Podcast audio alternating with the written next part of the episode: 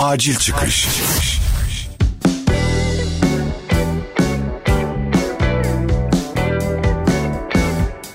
Selam her sabah uyandığında sosyal medyanın altını üstüne getiren, yeni bir şey bulamayınca dertlenen dinleyen. Ben Evren Başar ve Acil Çıkış'ın dördüncü bölümünü dinlemeye başladın. Geçtiğimiz akşam Netflix'te bir film izledim. Bu aralar adından söz ettirmeye başlayan belki de çoğunuzun çoktan izlediği İspanyol yapımı Platform isimli filmden bahsediyorum. İzlemeyenler için çok da spoiler vermeden filmi anlatacağım şimdi biraz. 200-300 katlı üst üste inşa edilmiş hücrelerden oluşan tamamen kapalı bir cezaevi düşünün. Bu hücrelerin ortasında da büyük bir delik var ve aşağı ya da yukarı görmek mümkün.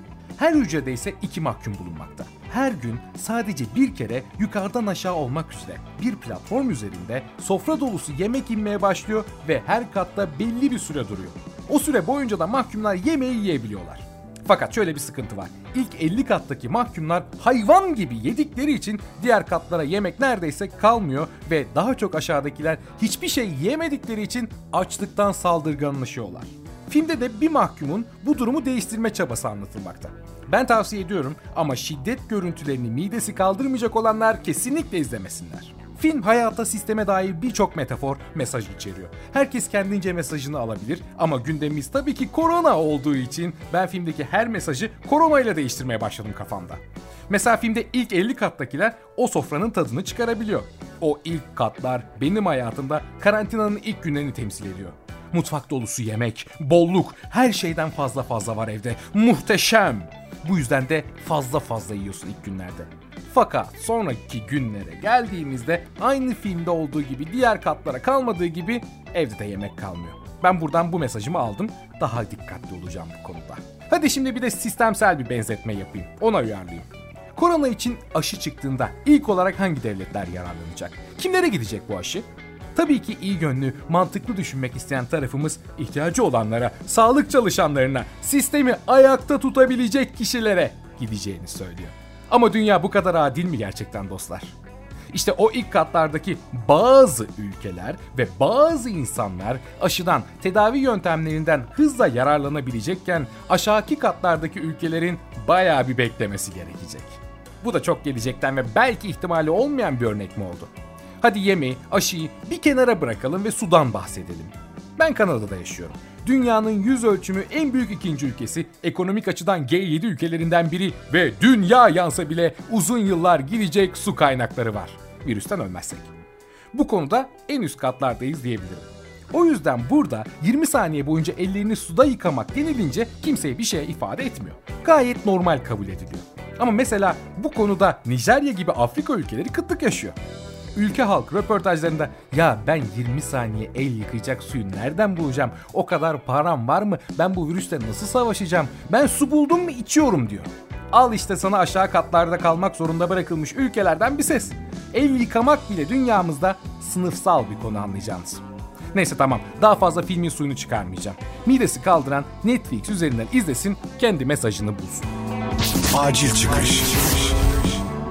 Bugün Twitter'da önüme bir istatistik çıktı. Evde kalın, çıkmayın, hayat eve, odaya, bir yerlere sığar denilen bu günlerde İstanbul'da hangi ilçelerin daha çok dışarıda, hangi ilçelerin daha çok evde durduğuna dair bir istatistik. Esenyurt ve Bağcılar yemişin lan birisini diyerek daha çok dışarıdaymış. Şişli Beşiktaş gibi semtlerse evine kapanmış. Tabii sosyal medyada hemen buna sınıfsal yorumlar getirmişler çok doğal olarak. Ben şimdi izninizle başka bir açıdan bakacağım. Giden bilir, giden gitmeyenlere bir türlü anlatmıştır ama Bağcılar çok enteresan bir ilçedir. Hem nüfusu kalabalık hem de yoğun göç aldığı için hayat mücadelesinin çok fazla olduğu ilçelerden biri. İlçede yaşamışlığım yok ama İstanbul'da yaşadığım dönemlerde yolumun sık sık düşmüştüğü, hatta radyo programcısıyken belediyenin davetlisi olarak Ramazan programı sunmuşluğum bile var orada ama o başka bir hikaye.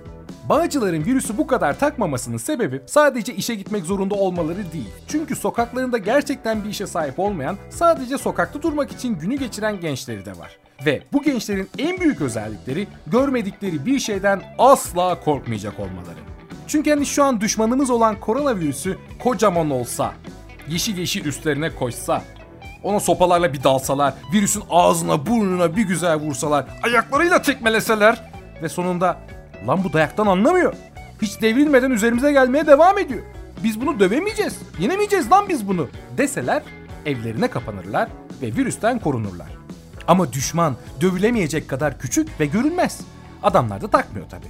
Güzel insan az önce devletimiz için harika bir kamu spotu fikri vermiş olabilirim ayrıca. Bunu bir düşünsünler. Bu virüsün kamu spotu kesinlikle böyle olmalı. Hemen devamını da getireyim bak kamu spotunun. En sonunda Bağcılar ahalisi virüsü sopayla dövemediklerini anlar ve bir kahraman ortaya çıkar. Elleri sabunlu ve yanında su vardır. Virüse bu şekilde dalar ve kazanır.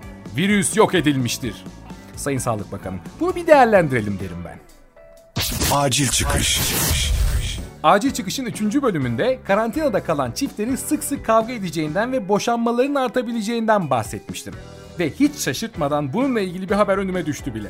Haber magazin sayfasındaydı ve evet biliyorsunuz belgesel izleyen biri olarak asla magazin haberlerine tıklamam. Ama bu haberin başlığı ilgimi çok çekti.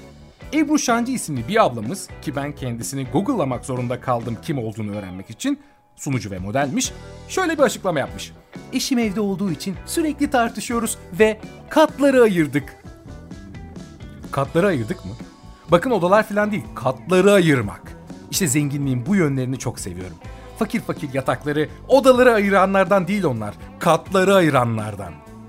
Bu Ebru Hanım'ın eşi Göztepe'de oynayan bir futbolcuymuş ve doğal olarak kendisi sürekli maçlarda, kamplarda olduğu için eve çok az geliyormuş. Karantina olunca da Bodrum'daki 3 katlı villalarına geçmişler. Fakat ne olmuş? Durmadan tartışmaya başlamışlar ve sonunda katları ayırmışlar. Daha az görüşmeye çalışıyorlarmış. Vay be. Vay be. Toronto'da birçok bir artı bir evde yaşayan evli ya da sevgili çift arkadaşım var. Hepinize kolaylıklar diliyorum. Çünkü biliyorum böyle bir şey yaşasanız ayırabileceğiniz en fazla birinin kanepede yatması olabilir. O da pek çözüm olmayacaktır. Ama ben sanmıyorum böyle olduğunu. Toronto'da göçmen olarak da birçok zorluk yaşadınız. Biliyorum çoğunuzu. Evde kalmak size fıs geliyordur. Aşkınız bol olsun. Güzel güzel geçinin. Aman nazar değmesin. Püh! Bu arada ben iki katlı bir evde yaşıyorum ama katları ayıracağım biri bile yok. Anlıyor musunuz? Şimdi bu iyi bir şey mi, kötü bir şey mi? Hadi bakalım. Acil çıkış.